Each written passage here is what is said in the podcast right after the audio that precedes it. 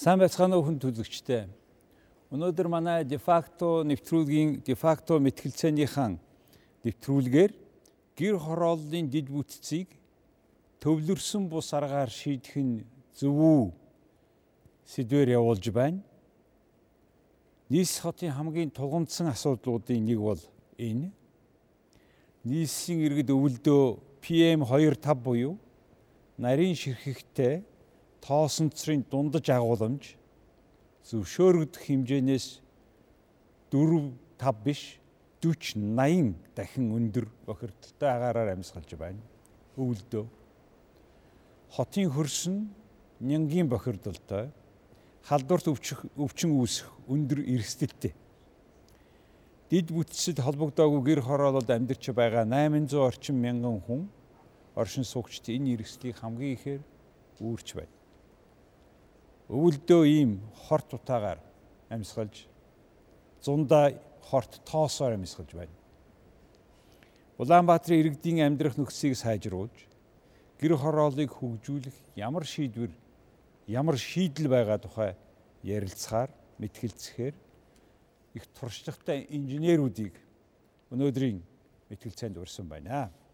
За миний баруун гар талд энэ сэдвийг энэ төвлөрсөн бус аргаа шийдэх нь зөв үү гэсэнд нотолсон Sakura Property компанийн гүйцэтгэх захирал ноён Гамба оролцож байна.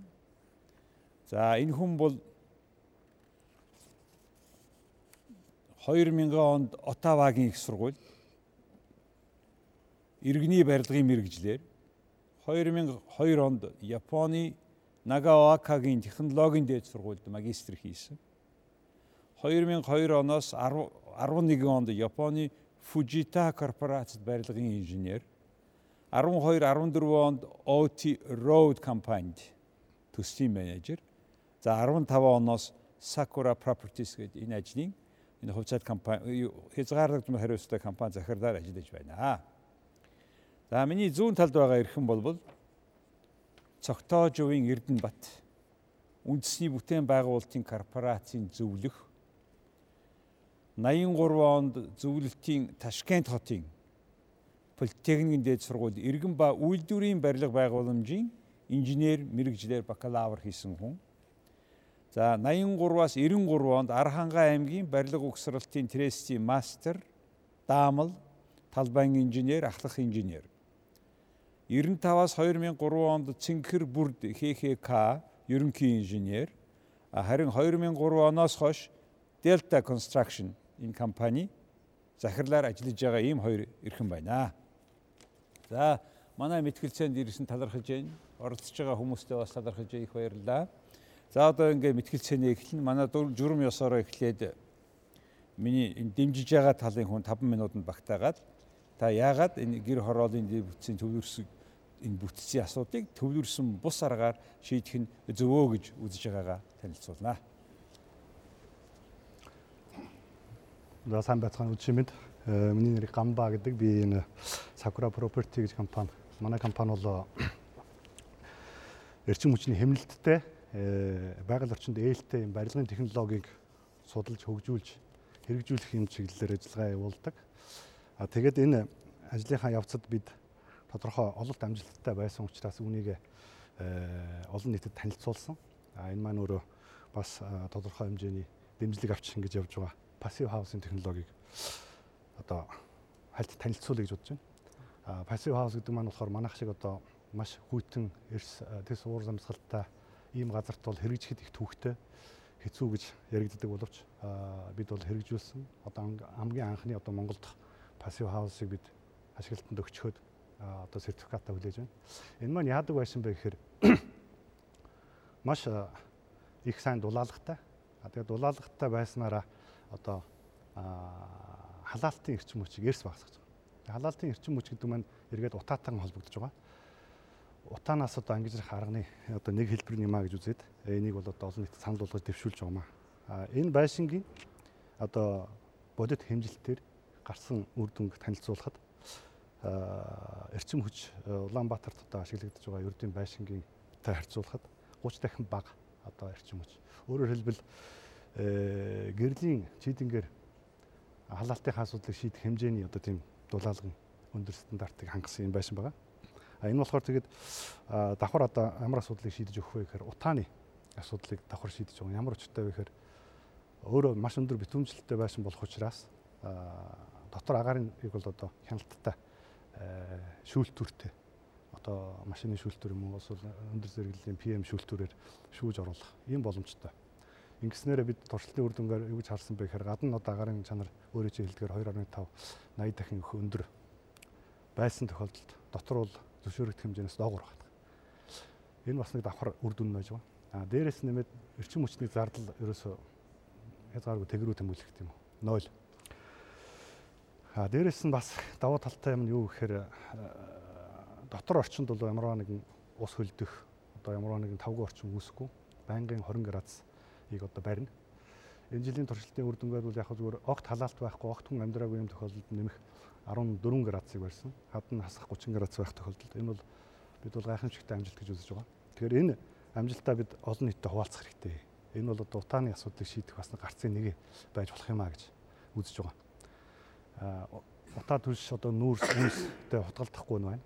Хэрэглэгч одоо өмнө маань тийм ээ. Гэр хорооллын одоо хавар болохоор одоо утаа үнс маань хийсдэг. Тэгээд одоо нүүрстэй ноцолддог, өглөө ороо хөрдөг, ус нь хөлддөг. Энэ бүх асуудлаас бол нэг мөсөн дулаалган одоо пассив хаусын стандартыг хэрэгжүүлснээр бид гарч болох юм байна гэдгийг бид бодит амьдрал дээр нотолж үзүүллээ. Пассив хаус гэж одоо Герман одоо Германы юм уу Австри Германы одоо угшилтай ерөнхийдөө бол дэлхий дээр бүртгэлтэй яг одоо сертификат авсан байсан бол нэг 25-аас 30-аад мянган ширхэг байгаа. Монгол улсад бол хэрэгжүүлэх орлогууд хийгдсэн байдаг юм билээ. Дулаалгын материалын сонголт, цонхны хаалганы одоо их өндөр шаардлагуудыг давахын тулд асар их хөрөнгө оруулалт шаардлагатай болдог. Тэ. Энэ асуудлыг бид олон жил одоо 3-аас 4 жил судалсаны үндсэн дээр маш хямд төсрөөр одоо шийдэх аргуудыг олж илрүүлсэн байгаа л да. Тэгэхээр сайн технологиг хямдхан оруулж ирээд гэр хорооллын айлууд авахар болгочихж байгаа юм уу? Одоо үндсэндээ тэгж хэлж болно. Метр квадрат нь одоо одоо бид нар зарласан байгаа сая төгрөгийн дотор оруулж ирэх Ингэснээр одоо эрчим хүчний зарцуулалт эрчим хүчинд нүүрсэндээ зарцуулдаг байсан зардлууд нь бүгд тэглэхээс гадна маш их цэвэрхэн орчинд хүн амьдрах боломжтой болж байгаа. Тэгэхээр энэ бол яг зүгээр дэд үтсийн асуудал гэхээс илүүтэйгээр өөрийнх нь байшингийн асуудлыг шийдэхээр эргээд түүнээс уруугаараа дэд үтсийн асуудлууд нь одоо ингээд тодорхой болж эхэлнэ л дээ. Усны асуудлыг яаж шийдэх юм тийм ээ? Замын асуудлыг яаж? Энэ асуудал бол хүмүүс хэвээрээ үлдэнэ.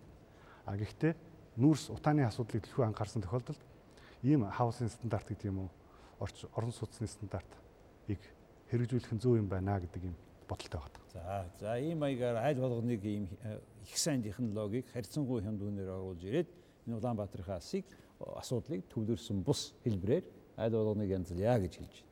За та яагаад төвлөрсөн хэлбрээрээ илүү гэж үзэж байгаа вэ?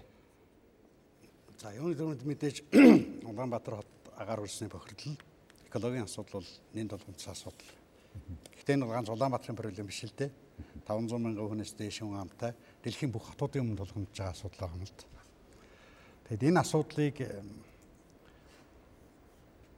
яавал одоо нэг инженер хүнийхээ хувьд Улаанбаатарын энэ гэр хоолын асуудлууд, агаар хөрс гарчны бохирлын асуудлуудыг зөв зөвхөстэй шийдэх ёстой юм бэ гэдэг судалгааг 2 жил гарan нэг 20 гаруй залуу инженерүүдтэй 10 зөвлөх инженерүүд өвчийг даашлаа хоёр жил гарan судлаа л да.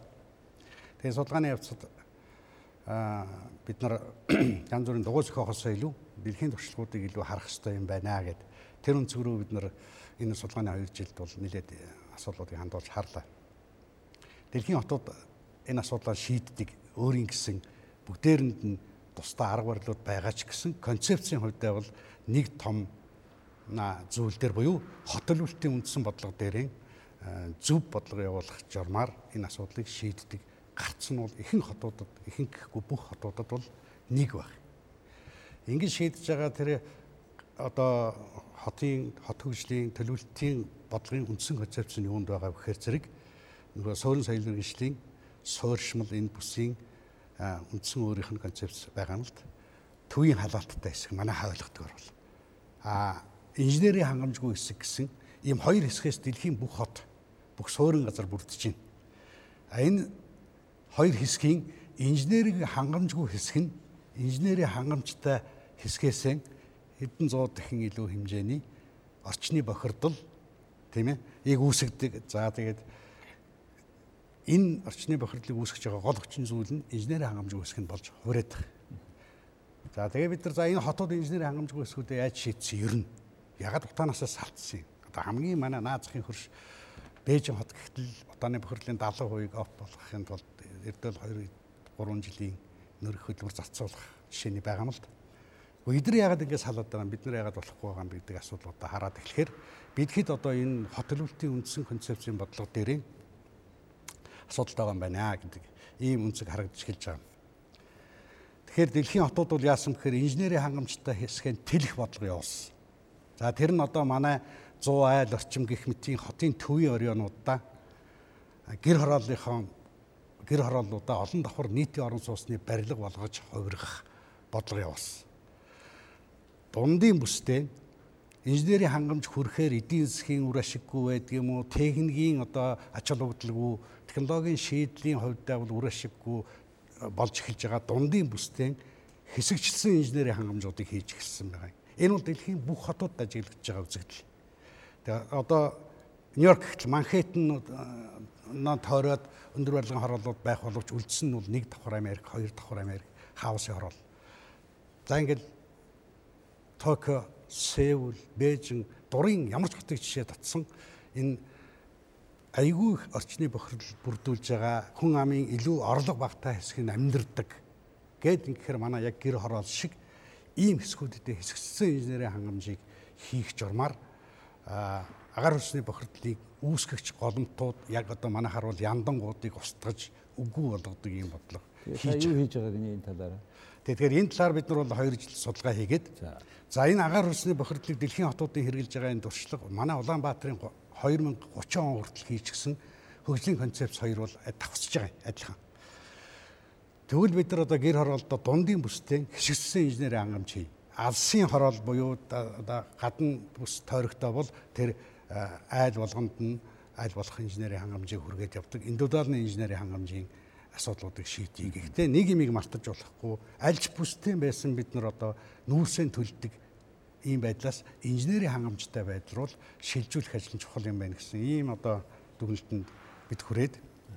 За ингээ Улаанбаатарын хувьд хүүтний улирал тай иргэдийнх нь амьдралын хев маяг нь одоо илүү нүүдлийн соёл иргэншлийн уламжлалууд ихтэй ийм одоо хотын хувьд Улаанбаатарын хувьд бол энэ хэсэгдсэн инженерийн хангамжаар хангах бодлого нь ямар байх юм бэ гэдэг юм хийж байгаа. За энэ хийсэн юм одоо манай корпорац дээр боловсруулсан энэ төсөл бол сервис центр гэдэг нэртэйгээр одоо бас ингээд төр улсын хэмжээнд бодлогын хэмжээнд тийм ээ засгийн газрын хотын ингээд бодлогын хэмжээнд болсон сервис центрийн ажил маань бас нэлээд урагшилж байгаа. Гэхдээ энэ бол шин зүйл учраас а энэ хэрэгтэй хэрэггүй болон болохгүй гэсэн үзэл баримтлуудтай тулгарч байгаа боловч а ер нь бол дэлхийн нийтийн нийтлэг жишээ бол ийм одоо хэсэгсэн инженерийн хангамжаар гэр орооллон хангах журмаар утаанаас бохирдлын хүсүүрүүдээс салах иргэдийнхээ амжиргааны төвшин өөдөн татах дээр нь нэмээд иргэдийн өмч гол газрыг үнцэнтэй болгох тэрүүгээрээ дамжуулаад иргэдэн орлоготой болох гэх мэт ийм бодлогоодыг цогцоор нь ингэ шийддэг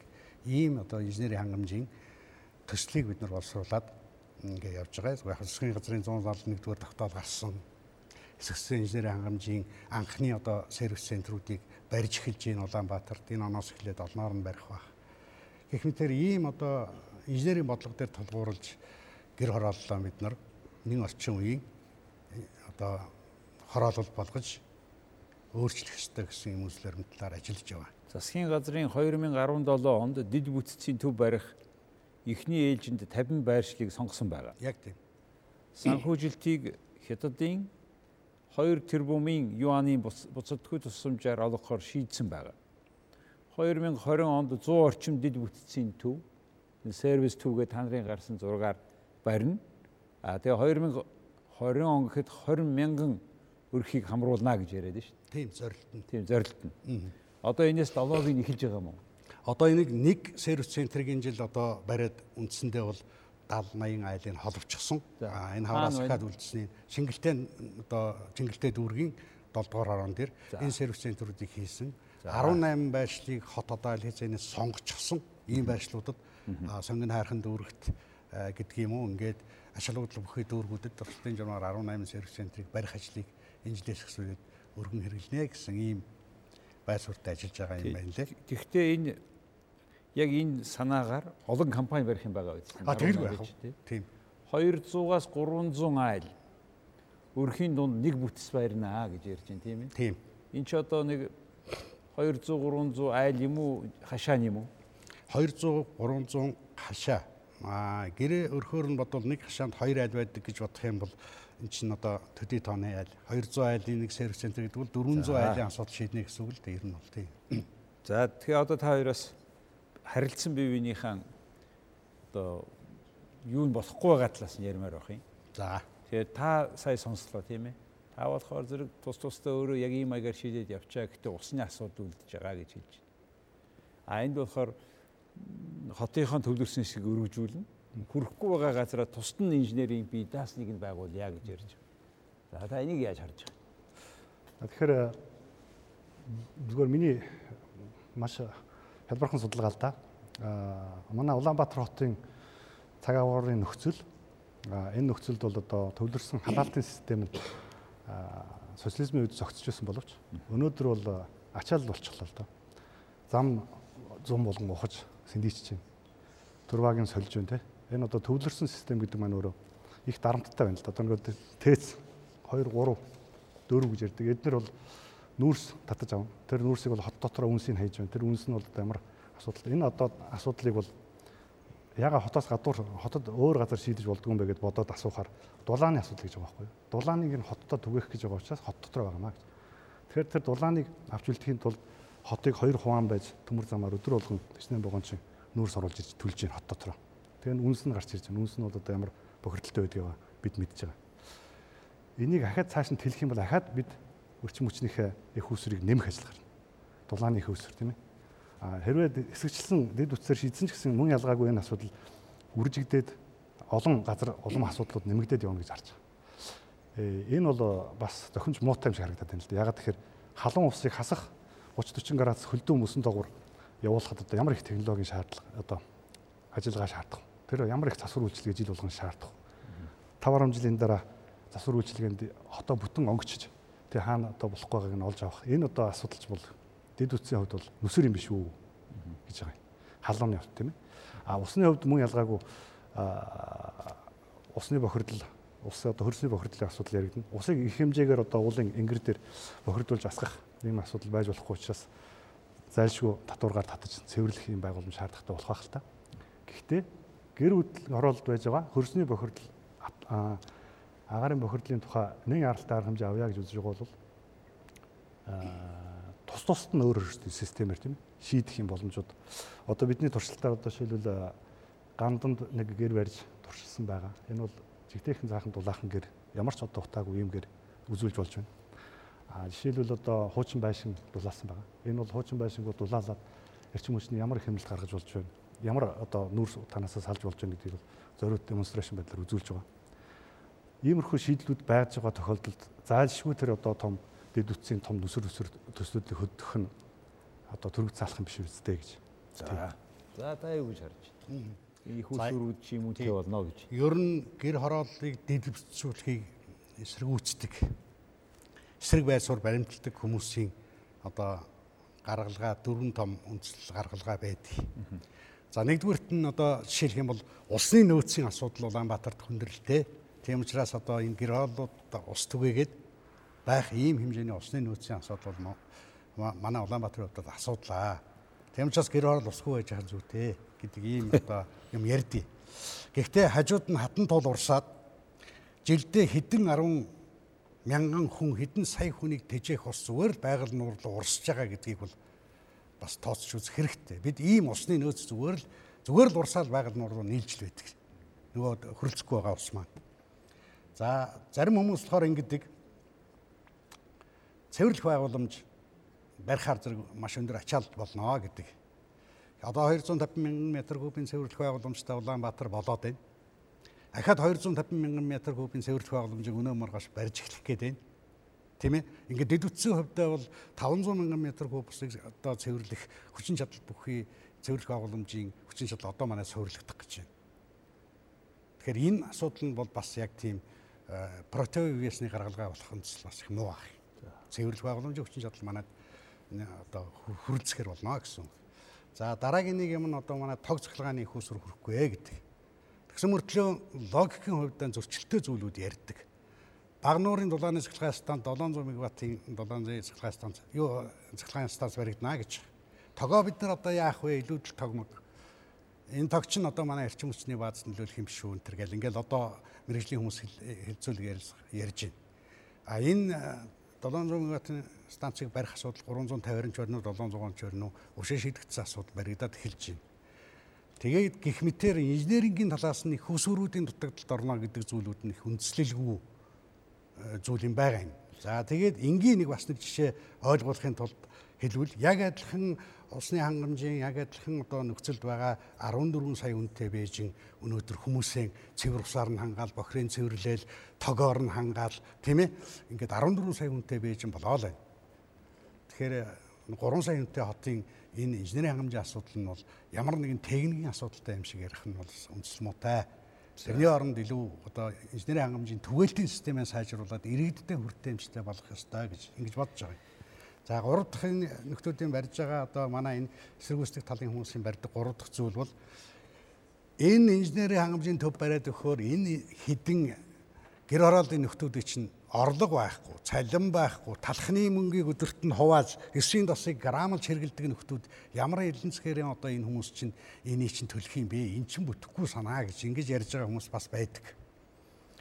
А гэхдээ хэрвээ бид нар одоо ингээд идеалны нөхцөлд энэ хавар 200 айл 200 айл сервис центр бариад айлууд нь коттежийн барилга бариад аваад эхлүүл тухайн айлын үйл хөдлөх хөрөнгийн хамгийн бага үнэлгээ нь 250 сая болно.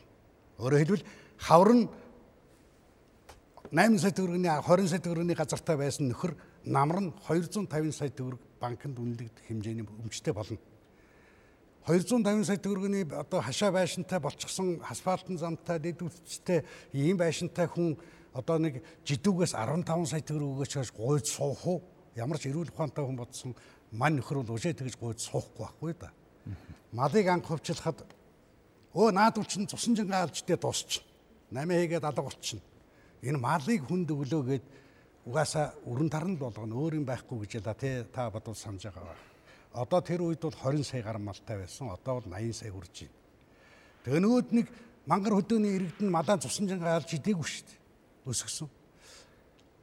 Байрыг иргэдэд товчлохад юу гэж хэлсэн. Одоороо л одоо нөгөө байраа ус зарж идээд устгаад амьдрах. За хоёр тал ийм байгаа учраас энэ үндслүүд бол өөрөө жаахан суур муутай л гэж. За та бүхэн сонслоо. Хоёр тал бол өөр өөрийн нэлээд тодорхой бодсон тийм асуудлуудыг гаргаж дэвшүүлж тавьж бас эсрэг тавьжээ. Тэгэхээр одоо би энэ бэтгэлзээнийхаа журам ёсоор манай оролцож байгаа хүмүүст асуулт тавих боломж өгж байна. За хоёр талаас ихтэй за энэ талаас хэн асуух гэж энд байна ямар асуудал? За. За сайн бацхан уу? Та бүхэнд энэ үеийн мэндийг хүргэе. А нотлогч талаас нэг асуулт асуух гэсэн. А ер нь бол яг энэ гарцын гол зорилго бол нэг талаасаа иргэдэд хүртээмжтэй байлгах талаас арай илүү төлөвлөх гэж бодож байна. А иргэдэд хүртээмжтэй хэрэг хүртээмжтэй байлгах вэ гэдэг талаас үн өртгийн үед а нөгөө талаас яг няцаагчлан ярьж байгаа шиг нөгөө талхрынхаа мөнгийг дийлэхгүй магадгүй тосоо грамлж авч байгаа хүмүүст яг ямар өртгийн асуудлыг ярьж байна тийм. За. Өртгийн асуудал дараа бэлдэж байгаа юм. Дараа ишнийг өгнө. Эхний ээлжинд донд энэ зах зээл дээр гаргаад удааг байгаа бүтээгдэхүүн гэдэг утгаараа өртөг өндөртэй гарна. Тэр нь болохоор хэд гэхээр 1 м квадрат нь сая буюу Улаанбаатар хотод зарагдж байгаа орон сууцны хамгийн хямдхан өртөгтэй ойролцоо. А тэрүүгээр юу хожих вэ гэхээр нүүрс түлэн зарцуулдаг зардал нь ойлгуулчихна. Эхний 2 3 жилдээ одоо ингээл баг хөрөнгө оруулалтаа нөхөд авах хэмжээний ая тухтай байдал үүснэ. Дотор нь мэдээж тав тухтай амьдрах орчин бүрдэнэ. Ийм давуу талтай учраас энийг бол тодорхой хэмжээний ипотекийн зээл өөр газрынхаа тодорхой хэсгийг барьцаанд тавих эсвэл одоо худалдах, борлуулах зарчмаар өөрөө хөрөнгө усгах юм бүрэн боломжтой. 42 м квадраттай маш жижигхэн орон сууцнаас эхэлж байгаа загвар. Энэ бол ерөөсөө угсармалаар хийгдэх учраас Яванда олон 10 мянгаар бариад эхлүүл бид чинь масаар үйлдвэрлэн үйлдвэрийн нөхцөлд угсармалаар хийнэ гэдэг утгаараа маш их хямдралтай юм үнийг санал болгож болох болов уу гэж би бодож байгаа. Усыг яана гинэ. Усны асуудал бол хүндрэлтэй. Ягаад вэ гэхээр мөн ана халаалтын систем хэрэггүй гэж байгаа учраас усыг татж ирэхэд хөндрөлттэй нөгөө хөндлөчих гэдэг асуудал байгаа тийм. Тэгэхээр яг зөөврийн усны асуудал бас зөв шийдэл байж болно. Улаанбаатар хотын орон сууцнд байж байгаа өнөөдөр турбаны голчийг харж үзээрэй. Маш нарийнхан зэвтэй ус гарч иж байгаа. Ийм нарийнхан одоо хизээд хагаар цугарах мэддэхгүй ийм дэд үтстэй байж байгаа шүү дээ.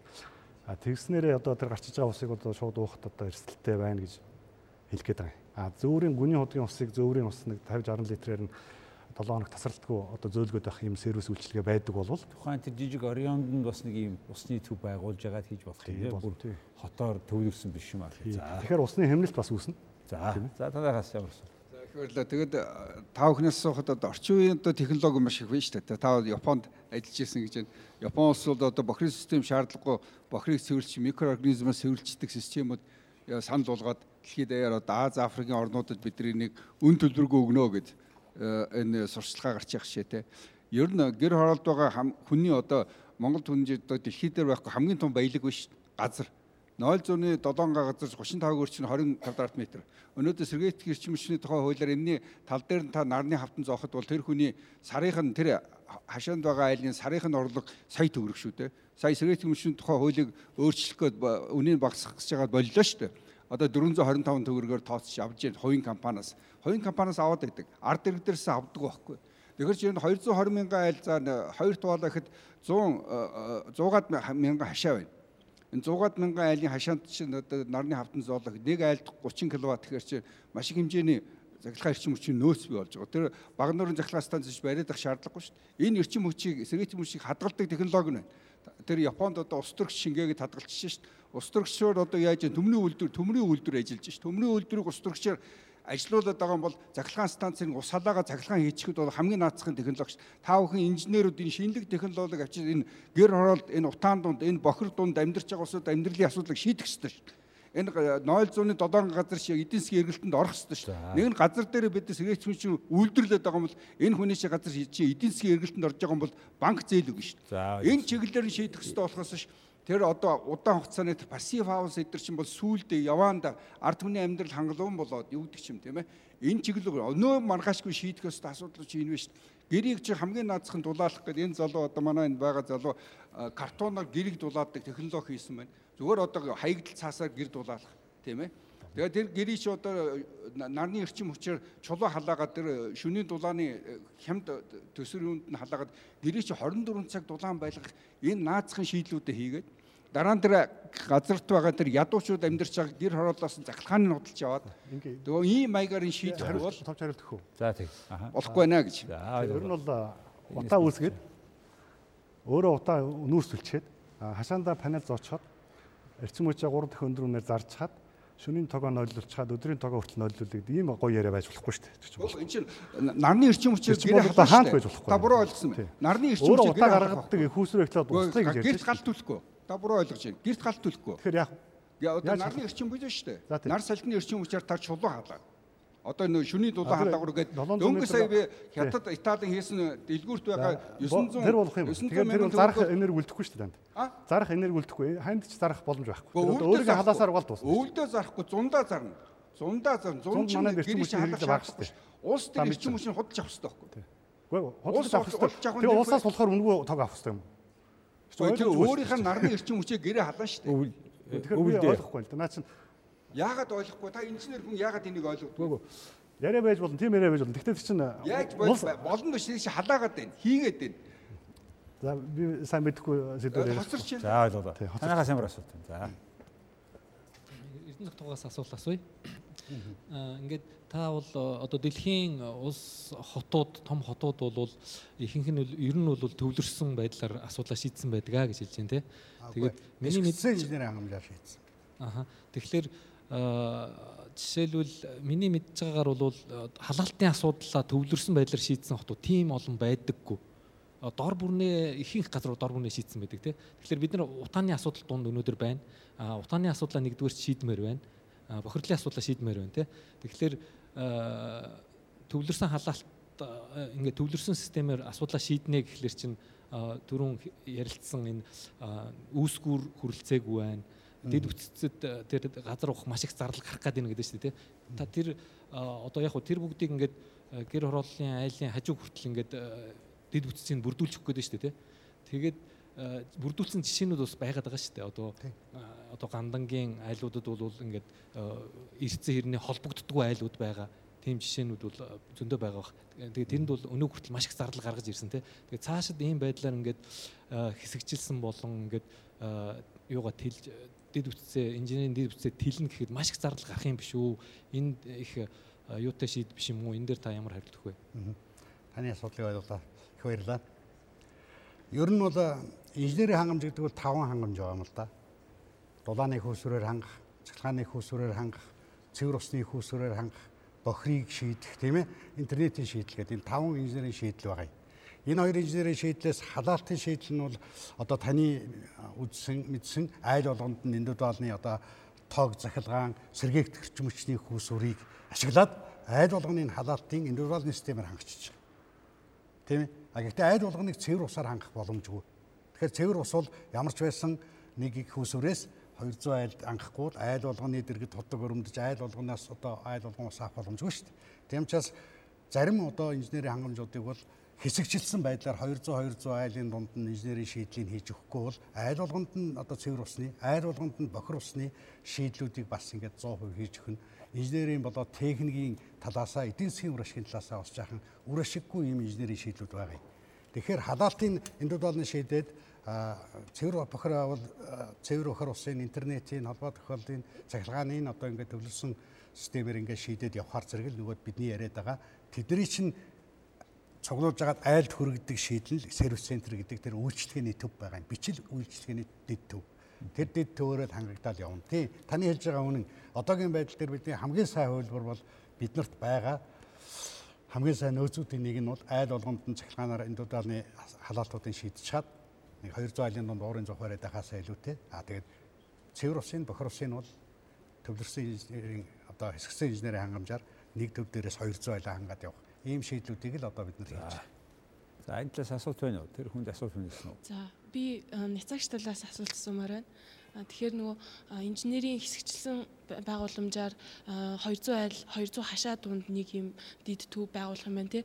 Тэгэнгүүт эрчим хүчийн хангана гээ тэгэнгүүт тэнд чинь нүүр шатаах уу ямар байдлаар цахилгааны их усүрээ хангах гэсэн асуудал гарч ирэх бах. Тэгэхээр нөгөө одоо байгаа айлууд чинь яагаад удаа гаргаад байгаа гэхэлэр нөгөө байшингийн дулаан алдагдал маш их ихтэй байгаа. Тэгэхээр тэр хэмжээгээр их хэмжээний нүүр шатаагаад байгаад байгаа. Тэгтэл дунд нь дид төв байгуулад тэрүүгээрээ эрчим хүчийг ингээ хангаад байна гэхээр дулаан алдагдaltaй байшингууд руугаа нөгөө эрчим хүчээ өгөөд идэг. Тэгэхээр маш их үргүү үр ашиггүй зүгээр төс болчих юм шүү. Тэр тал дээр хариулт өгөөч. Их сайхан асуулт сотонд баярлалаа дүү. Тийм.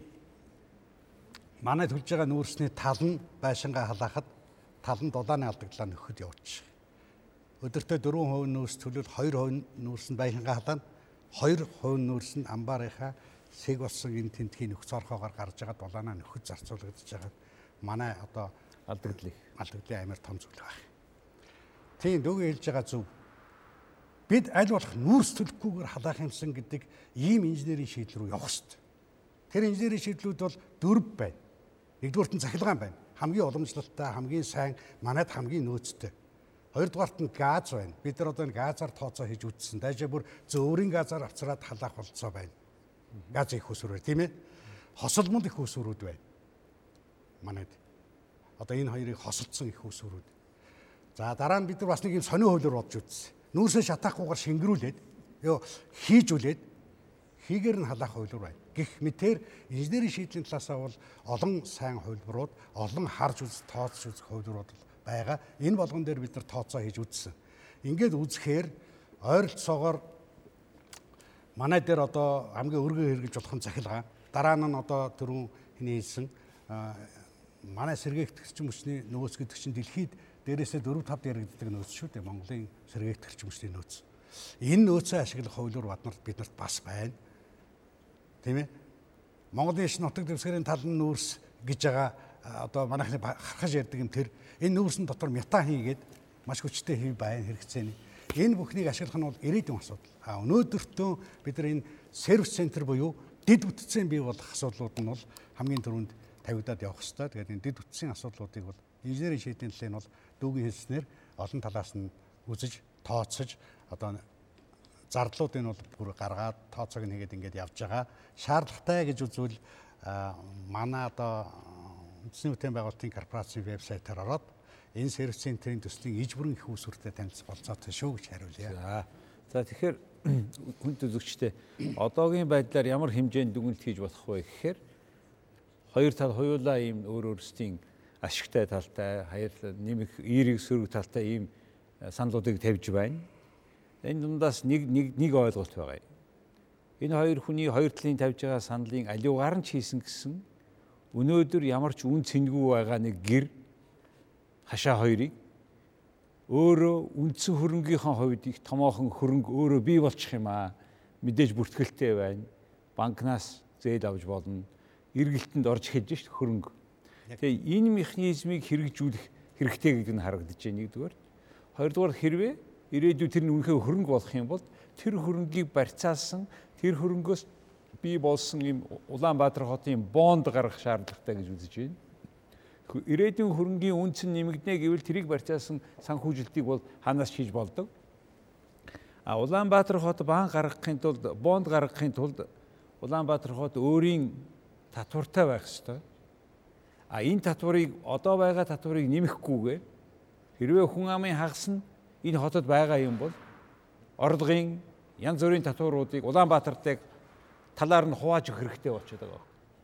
Хэрвээ Улаанбаатар хот өөрийн бондо гаргадаг болчих юм бол ийм газрыг санхүүжүүлэх мөнгө нь ямар шилбэрээрээ бий болох нэ гэдэг ийм ойлголтод бид нар өнөөдөр ийм ойлголтыг тодруулж ярьлаа. Тэгэхээр одоо бид сайн ярьсан аль ч вариантыг өртгийн асуудал ямар өртөгтэй болох вэ? Барихт ямар өртөгтэй болох вэ?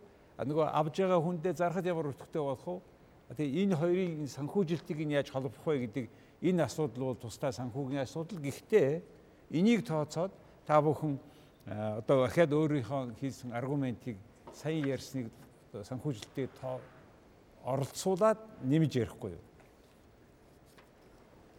За юу санхүүгийн асуудал бол яаж явагдгийг би сайн мэдэхгүй Улаанбаатар хот болон нийслэл засгийн газрын э, хэмжээнд одоо ямар төсөв яаж тавигдаад явдгийг би сайн мэдэхгүй. Гэхдээ нэг зүйл баталгаатай хэлж чадах нь болохоор газар бол асар их үнэтэй баялаг мөн гэдэг тийм ээ. Энэ газрыг бол амьдруулахын тулд түнд амьдрах тогттой орчин ямар ч одоо бохирдлгүй хүнд хоргүй ийм эрчим хүчний шийдлийг гаргасан ийм шийдэлтэй э, плот гэдэг юм уу тэр газар бол их үнд хүрнэ гэдэг нь бол би бол өөртөө чинь санал юм. А энийг одоо барьцаалах замаар ирээдүйн үн цэнийг нь одоо барьцаалах журмаар өнөөдөр санхүүжилтийг шийдэх гэдэг асуудал бас байж болох юм тийм ээ. Гэхдээ нэг асуудал байна л да. Өнөөдөр маргааш бид утаанаас салах гэж байгаа бол утааны их үүсвэрийг үүсгэгч түүнд одоо нэмэр болж байгаа одоо ямар нэгэн их үүсвэр дээр нь татварыг ногдуул явах хэрэгтэй. Яндангийн татварч байдаг юм уу?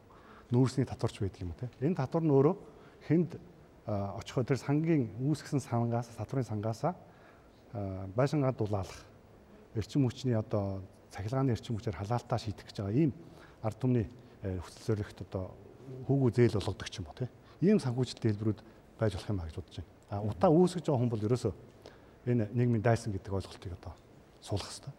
Тэрийг одоо яаж э, үүсгэх вэ гэхээр одоо мэдээж хэдвээ зарайд уу сурталчилгаа энд бол асар их мөнгө төгрөн хайж бид өнөөдөр юунаас болоод хордоод байгаа гэдгийг хүн болгон ухамсарлах нэгдсэн нэг ойлголттой болж авахд асар их хэр хорооллын одоо хүмүүсийн одоо эдний бүх энэ хотын бохирдлтын 70 орчим хувь нь энэ айлуудын яндангаас гарч шүү дээ. А гэтэл тэр яндангаас гарч байгаа утаа гаргаж байгаа тэр айл чинь зарим юу татвар төлөх ямар нэг татвар төлөх байдгаа. Тий. Дулаан хонохын тулд амьдж шүү дээ. Тэгэхээр татвар төлөхгүй гайхыг хүн эрмэлзэн. Тэхийн тулд та цахилгаанаар халаах хэрэгтэй. Цахилгаанаар халаах гэж байгаа шийдлээ шийдсэн бол танд ийм ийм тусламж тэмдэглэг үзүүлнэ. Ийм ийм одоо хөнгөлөлт үзүүлнэ. Таны мэдүүлэх боломж юм тийм ээ үзүүлэх одоо бүр тийм сан байгуулах хэрэгтэй байхгүй юу? Тэр айл цахилгаанаар халаалтаа одоо байгаль орчинд хоргүй халаалтын арга бидэнд өөрсдөө байгаль орчин гэхээс илүү бид өөрсдөө уушгаар хордоод байна шүү дээ. Энэ хордлыг үүсгэхгүй арга хэмжээ авч байгаа айлуудад бид тал бүрийн дэмжлэг үзүүлэх хэрэгтэй байхгүй юу? Тийм зарчмаар. Одоо хэрвээ үүсгэсээр байх юм бол танд татвар ногдуулна гэдэг. За за та яаж хэлэх вэ? Гэр хороолоо шинжилж байгаа ингээд гэрээ одоо сервис центр барьж байгаа ингээд айлуудыгаа одоо байшингаан дулаалах шинэ байшин барьж авах боломжийг олгож байгаа ингээд төр мөнгө гаргаад эхэлвэл энэ бол дэлхий дээр байхгүй том завхрал болно л доо. Дэлхийн улс орнуудын түүх одоо энэ асуудлыг шийдсэн туршлагыг ингээд судлаад үзэхээр энэ төр өөрөө нэгч төгрөг гаргадаг. Төр зүгэл зохион байгуулалт. Энэ үүргээл төр хийгээсэй гэж бодож байгаа юм. А яаж энийг төр зохион байгуулдаг вэ? Улаан улсууд одоо Бангкок ч юм уу Сеул ч юм уу яаж хийдэд байна вэ гэхээр сервис центрийг барих иргэддээ одоо тэр нөгөө үндсэн хуулиар олгогдсон төрийн үүрэг ба шүү дээ. Иргэддээ инженерийн шугамшилжийг нь хүргэж хүүрэхтэй шүү дээ, тийм ээ. Энэ орчныг бүрдүүлэх хүүрэхтэй. Энэ үүргэн төр биелүүлэхдээ Бээжинч байсан. Одоо хятадын засгийн газарч байсан. Айл чорны засгийн газруудын хувьд бол ямар бодлого хэрэгжилж байгаа вэхээр зэрэг ногоо хөгжлийн сан гэх мэт тийм дэлхийн олон улсын байгууллагууд тийм үү аа хятадын одоо шилбэл 2 төрмгийн хөнгөлт буцалтгүй тусламж гих мэтийн хөгжлийн болон нэн хөнгөлтэй зээл буцалтгүй тусламжийн хөрөнгүүдийг ямарваа нэгэн юм сарниулж өрөхгүйгээр ингээд фокслоод үндэсний зорилго болгоод энэ хотынхон инженерийн хангамжгүй өсхийг инженерийн хангамжтай болгох ажилд байгаа. Энэнд манайд ойролцоогоор 2.4 их найд төгрөг байхад бид гэр хорооллынхон 60 70%-ийг буюу утааны фактор 0 болох хүртлээр бараг тэр хувийг бид нар инженерийн хангамжаар хангах болцоо байх. Ердөө л 2.84 их найд. Одоогийн байдлаар хэдний одоогийн байдал утаанд бид нар хэдийг зарцуулсан 500 тэрбумыг зарцуулчаад байна гэсэн дүн яриад байгаа шүү дээ. Ерөнхийдөө 2000 оноос хойш зарцуулсан бүх мөнгөний нийлбэр нь ойролцоогоор 1 их 80 нэг 80. За тийм гэж бодъё. 2.5 Гэтэл бид нар бол 2.5 та байхад э, гэр хоолныхон 60% асуудлыг шийтгэл болцоо байгаа л байхгүй дээ. Тэр зарцуулсан мөнгөний тал нь хайцсан бид мэдэхгүй байгаа тийм. За тий. За яг тэр тэр өөр асуудал байна. Тий. А гэхдээ нэгдүгээр их усүр нь бол ингээд олон улсад манай экологийн сүрэл болж байна эсвэл одоо манай ерөнхийлөгч манайх гамшигын байдалтай боллоо тамины олон улсаа та бүхэн туслан дэмжлэгээ одоо хандуулаач ээ гэдгийг өөрсдөө хүлээж зөвшөөрөөд одоо ихэ зарлчих юм бол жишээлбэл дэлхийн олон одоо сангууд олон улсуудын одоо тусламжийн юмнууд төвлөрдгийг ингэж хэрэгэлсэн дуршлаг байгааг нь би ярьж байгаа. Тэрээс бид ингэж нөгөө талаас та ингэж дөрөөс мөнгө гаргах тэнийг хэрэгэ гэж ярьж. Гэтэл тусламжийн мөнгө чинь өөр улсын өөр төрийн өөр татварын бас мөнгө л дөө. Тэр механизмаар нь ажилуулахын тулд тодорхой учраа олохын тулд тэр тэр барих гэж янзлах гэж байгаа хот суурин чи өөрөө үнэтэй болох гэж байна гэдэг дээр нь мөнгө ашиг одоо агаарын бохирдлыг тэгж ин хөлөмжийг тэгж бууруулж ийн гэдгээрээ асуудлаа ярьж явах хэрэгтэй шүү дээ. А тэгэхгүй одоо манайхан бол төрөөс мөнгө гаргачаад тал нь байхгүй болчиход байвал энэ зорилтыг хэрэгжүүлэх нь 100 жилийн асуудал болох байхад. А хоёр дахь их усүр нь ямар их усүр байдаг вэ гэхээр за энэ орионд энэ 200 айлын дунд сервис центр барихаар боллоо гэвэл тэр сервис центр буюу дэд үтцэн баригдаж үнд орхон зайлшгүй болж байгаа тэр 200 айлд нөгөөд нэг ипотекийн зээлийг чинь тэр айлуудад олгох нөхцөлийг чиглүүлж байгаа байхгүй юу?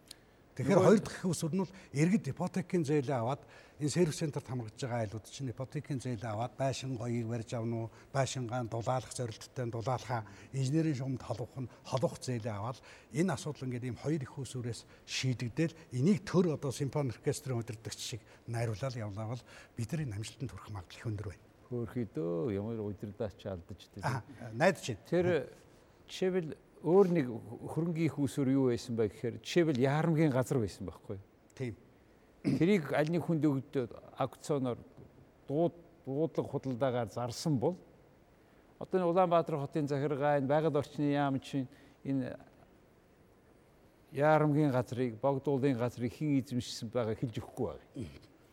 Хинд өгсөн хөгөөд ахаар дандаа улс төрчидтэй холбоотой болчиход энэ мөнгийг бид зарсан бол ярамгийн хүмүүсийн гэр хорооллын хагасыг бид нар тэр дулаалгыг чинь барьчих байхгүй үдий. Тэгэхээр дотоод нөөц бололцоогоо бид ашиглахгүй байна. Би болсон хараач би бол цуглуулсан мөнгө маань янз бүрийн сан ман байгуулаа тэгээ сангийн бахан хүмүүс зарччихад тэгээ нэг хоёр шоронгийн хаалга татсан болоод нэг хоёр сар болчиход алга болчихж байгаа. Тэгээ ийм боломжийн дунд өнөөдөр бид гамшигын хэмжээнд аль хэдийн хүрч байна. Хичнээн олон ялах хүүхдүүд чинь өдөр болгон үхэж байгаа мөнгөөр илэрхийлж болохгүй. Тий. Тийм зүйл болж. Гэхдээ хамгийн гол нь өнөөдөр энэ одоо нэг сар цагаан сараас өмнө ярьж байгаагийн гол шалтгаан бол тэгээ шиний хоёр нас мартчих шнэ утаалаг болохоор. Тэгээд бид 11 сараас ахаад яриад эхэлдэг ийм царцаа шиний хүмүүс яваад шүү дээ. Тэгэхээр энэ асуудлыг бүр цаад шийдэх улам бүр нь юу вэ гэхээр энэ газар чинь өөрөө баялаг. Тэрийг төлөвлөснөөрөө бид нар мөнгө босгох юм аа. Ягаад гэвэл тэнд байгаа баялаг чинь олон дахин нэмэгдэх юм аа гэдгийг л гол яриад байна тийм ээ. Тий. Фернандо де Сато гээд хүний хэлсэн үг гээд байгаа шүү дээ. Танаа баялаг гэр хороолдоо хөвтөж шүү гэж. 7 тэрбум төгрөг хотын чинь тойроод байж байна гэж хүн анхны эдийн засгийн форум дээр иж өөрөө хэлсэн л хэлсэн. Дараа нь хүмүүс ир судалгаа хийсэн тэднийхээс тайлан гарсан. А би үнэн гэдгийг баталж Харин байна. тэгэхээр тэгэхээр за за ийм асуудал бол энэ байна. Энэ утааны асуудлыг шийдэх боломжууд нь байна. Аргачлалууд нь байна. Энэ аргаараач болж байна, энэ аргаараач болж байна. Ямар ч гэсэн бид урагшаага явах боломжууд байна. Газар байна, ашиглаж чадахгүй байна. Төр мөнгө гаргаж байна.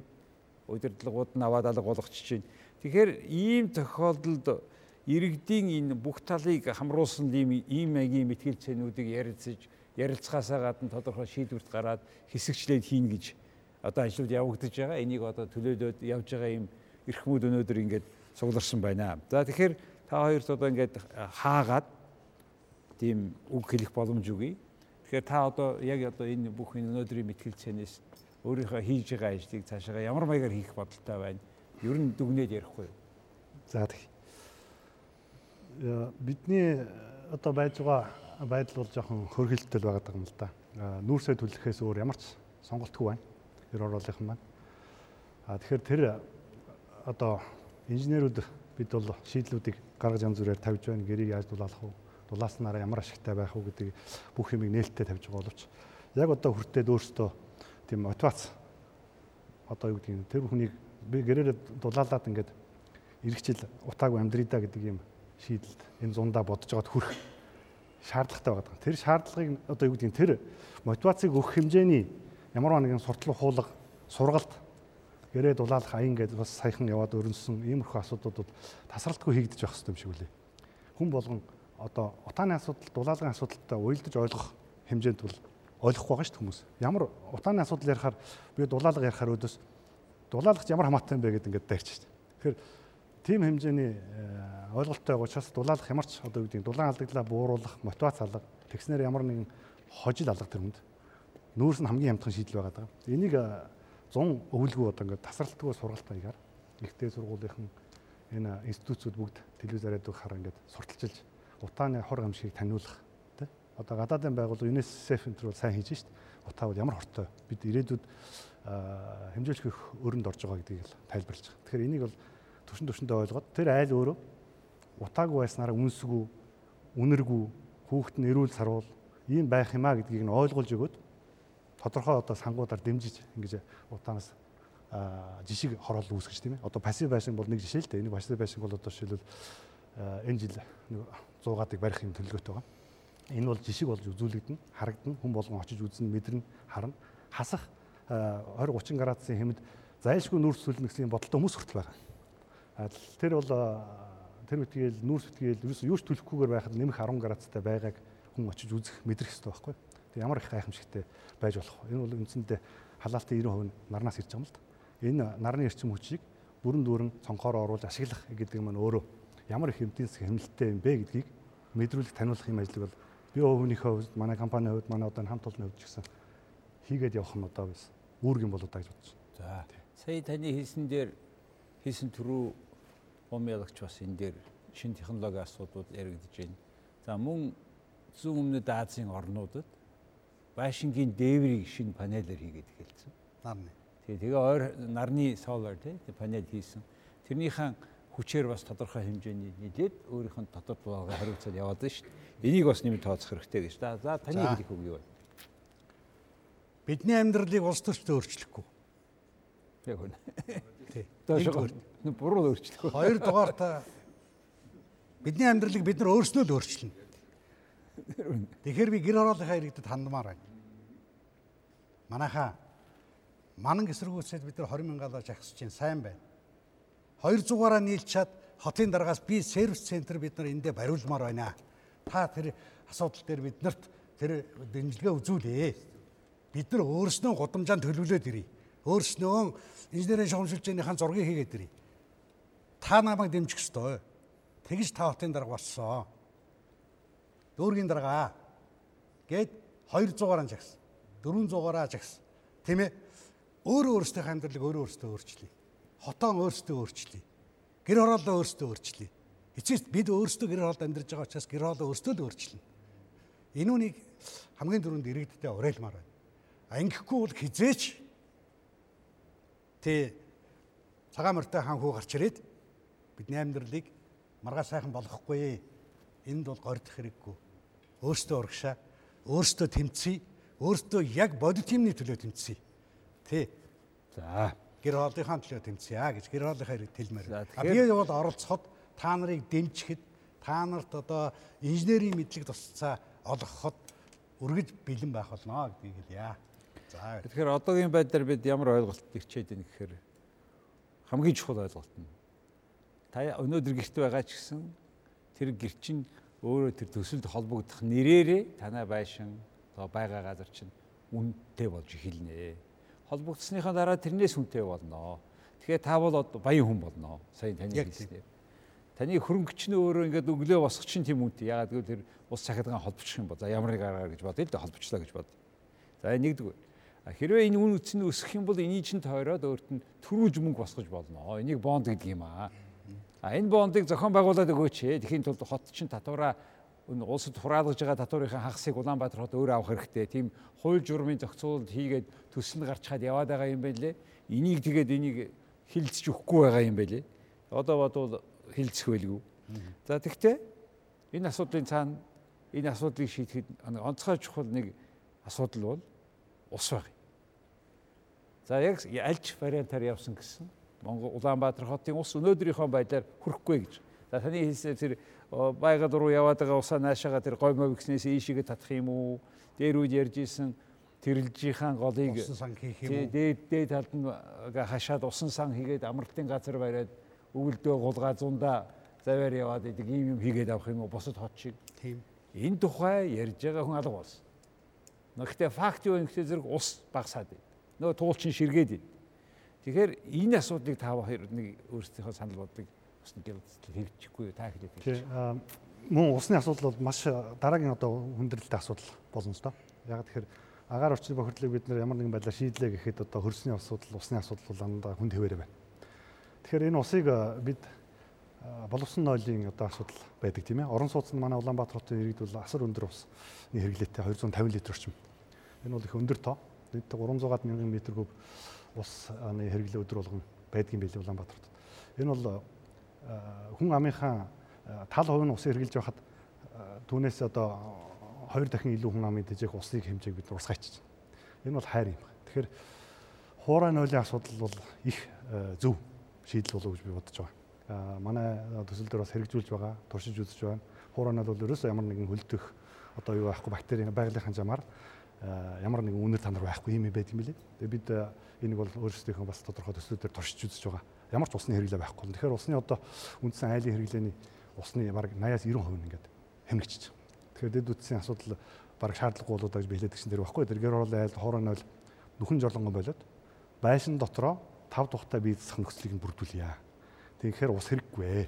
Зарчмын ямар байдгийг ямар үдээс танаргүй ус хэрэглэхгүй тэгээд Хуурай нойл гэж одоо яг Монгол улсад одоо энэ тэмдгүүл хэрэгжүүлж байгаа. Өөрөө сонсол байх гэж бодож байна. зарим нь харсан. Тий одоо нөгөө модны үрдсийг хийгээд ингээд одоо хойлох зарчмаар Аа тийм аягаар. Тийм тийм маягаар. Энэ бол хэд хэдэн газар туршигдж байгаа.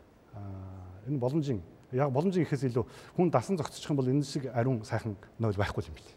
Усаа нэг хүсээд байдаг нөгөө актер их усаар ингэж дасцсан учраас яг эхний ээлжинд эвгүй.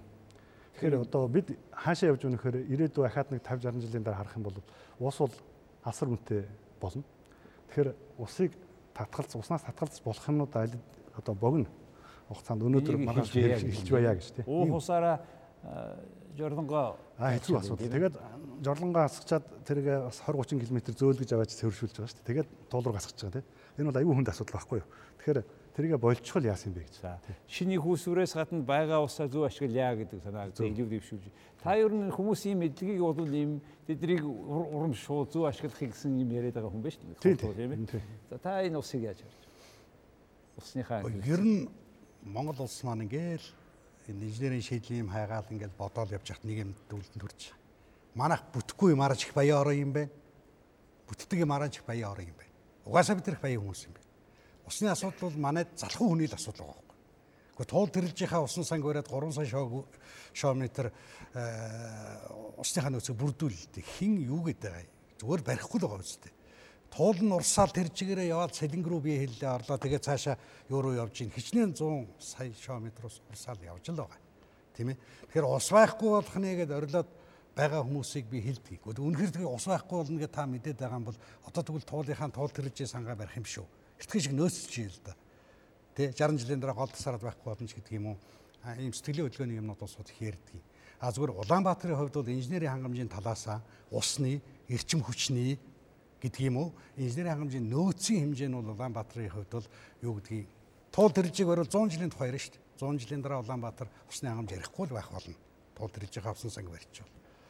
Гэх мэтэр энэ зүгээр асуудал нь өөрөө нэг юм дэвэр гэж хүмүүсийн мэдээлэл дутуу байдал, сэтгэн бодох чадварын баг байгаа байдал дээр нь дэвргээл эрчим хүчний хүүсвэр байхгүй багнуураа дүр нүүс шатаагаал тэр тоглол гаргал та өөр ягаад тэнд одоо өдөр болгон эрэггүй болж байгааг нүрсгээд байгаа юм зү.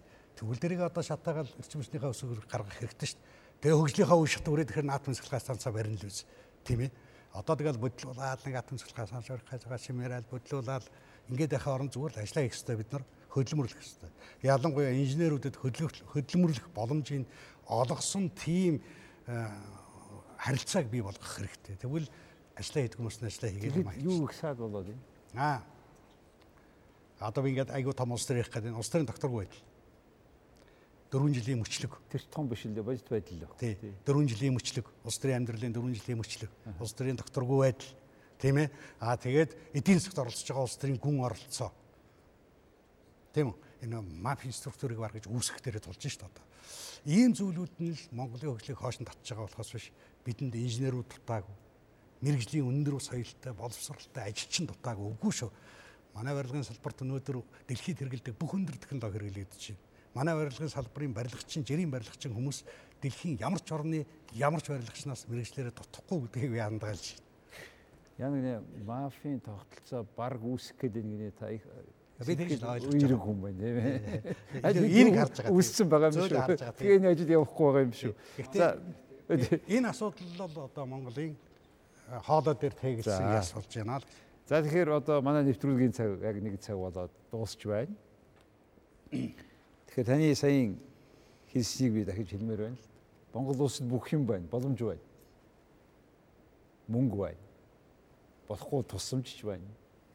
Ус байна нүүрс байна. Хичнээн цахилгаан станц барих юм байна. Инженерүүд байна. Тийм ээ. Шинээр сэтгэж байгаа, шин технологи оруулж ирж байгаа хүмүүс байна. Гэхдээ тэгээ юу болохгүй. Зохион байгуулалт нь болохгүй байна л гэж хэлж байгаа шүү дээ. Яг бид зохион байгуулж чадахгүй байна. Чадахгүй байгаадаа дасцсан байна. Тэгээ үр дүнд нь хамар доороос нь нийтийн хөрөнгийн хэдхэн хүмүүс зараад ягаад чи нэг хоёр цэцэрлэг нэг хоёр хүний хөрөнгө болцсон баг. Скватрын талбайн урд хэсэг нэг хүний хөрөнгө болцсон гэж. Улаанбаатарын өмнөх парк ус тийм гэж. Ер нь энэ паркууч дандаа хувь хүнийх болцсон байгаа байхгүй. Нийтийн хөрөнгө энэ төр гэдэг чинь дандаа болцсон. Тэгэхээр ийм нөхцөл энэ байгаа боломжийг ашиглах ийм шийдвэрээ гаргаж чадахгүй байна гэдгийг бүгдээрээ дор бүрнээ бодмоор байна. За мэдээж энэ улс төрийг тэр баг мөчлөгтэй болгох, алсыг харах энэ ажилд бол заавал ганц улс төрчдийн ч ажил биш. Тэрийг иргэд нь шаардаж иж бий болгодог юм байл. Түүнээс аль нэг хүнийг гаргаад тэр нэгээл ингээл ингээл бурхан багш шиг дахиж ирээд хамгийн юм шийднэ гэж байдгүй юм байна л да ардчсан нийгэмд. За юу ч гэсэн өнөөдөр бид ийм бид нарыг хамгийн их зовоож байгаа агаар хөрсний асуудлаа ярьлаа. За энийг тойруулаад ингээд яриад байхаар дандаа зохион байгуулалтын асуудлууд байна. Энэ зохион байгуулалтыг хийхэд энийг бол мэдээ зохион байгуулалт хийх нь Улаанбаатар хотын хувьд хотын захиргаа байгаа шин дарга бий болох байх бодлого. Тэгэхээр энэ бүхнийг эрч хүчтэй, өгөөжтэй, баг зардлаар хурдан явуулахын тулд өнөө өдрийн энэ манай мэтгэл цэнийг би зохион байгууллаа. Тэгээ энэ бүхний үрдэнд бол юу ч гэсэн ийм мэдээлэл байна. Өнөөдөр улс төргүүгээр, улс төрчгүүгээр бид яг энийг хийж байгаа хүмүүсийг цуглуулад энийг яриа боллоо. Тэгээ та бүхэн ч гэсэн энийг сонирхож харсан бах ялангуяа гэр хороолд амьдарч байгаа хүмүүс бодож тунгаах зүйл зөндөө байгаа. Тэгээд ямар ч гэсэн та бүхний зөв шийдвэр гаргахад нэг тусал нэмэр болгож өнөөдрийнхөө мэтгэлцээнийг зохион байгууллаа. Ингээд манай мэтгэлцээнд оролцсон хоёр эрхэмдээ талархаж байна. Sakura Property компани захирал Гамба, Delta Construction компани ерөнхий захирал Эрдэнэбат. А манай нэвтрүүлэгт хүрдэж ирсэн залуучууд хүмүүс бүгдээрээ идэвхтэй оролцсон асуулт тавьсан хүмүүс талархаж байна. Тэгээ хамгийн гол нь та бүхэн энийг ажиглаад өөрийнхөө амьдралд хэрэгтэй дүгнэлт хийж хамтарч ажиллана гэдэгт найд. Явж явж ер нь хамтарч ажиллах юм байл шүү дээ. Бодлого бүгдээрээ агаар маань эрүүл болно гэд найдаж байгаа. Хөрс маань цэвэр болно. Ундны ус маань хүртээмжтэй болно. Хүүхэд болго өглөө босоод нэг усанд орчдөг болох тийм тэр цаг хугацаа хурдан ирээсэй. Тэр цагт монголчууд дөрвөөд явах нь гайгүй болох уу гэж найдаж байна. Их баярлалаа та бүхэндээ. Баярлалаа.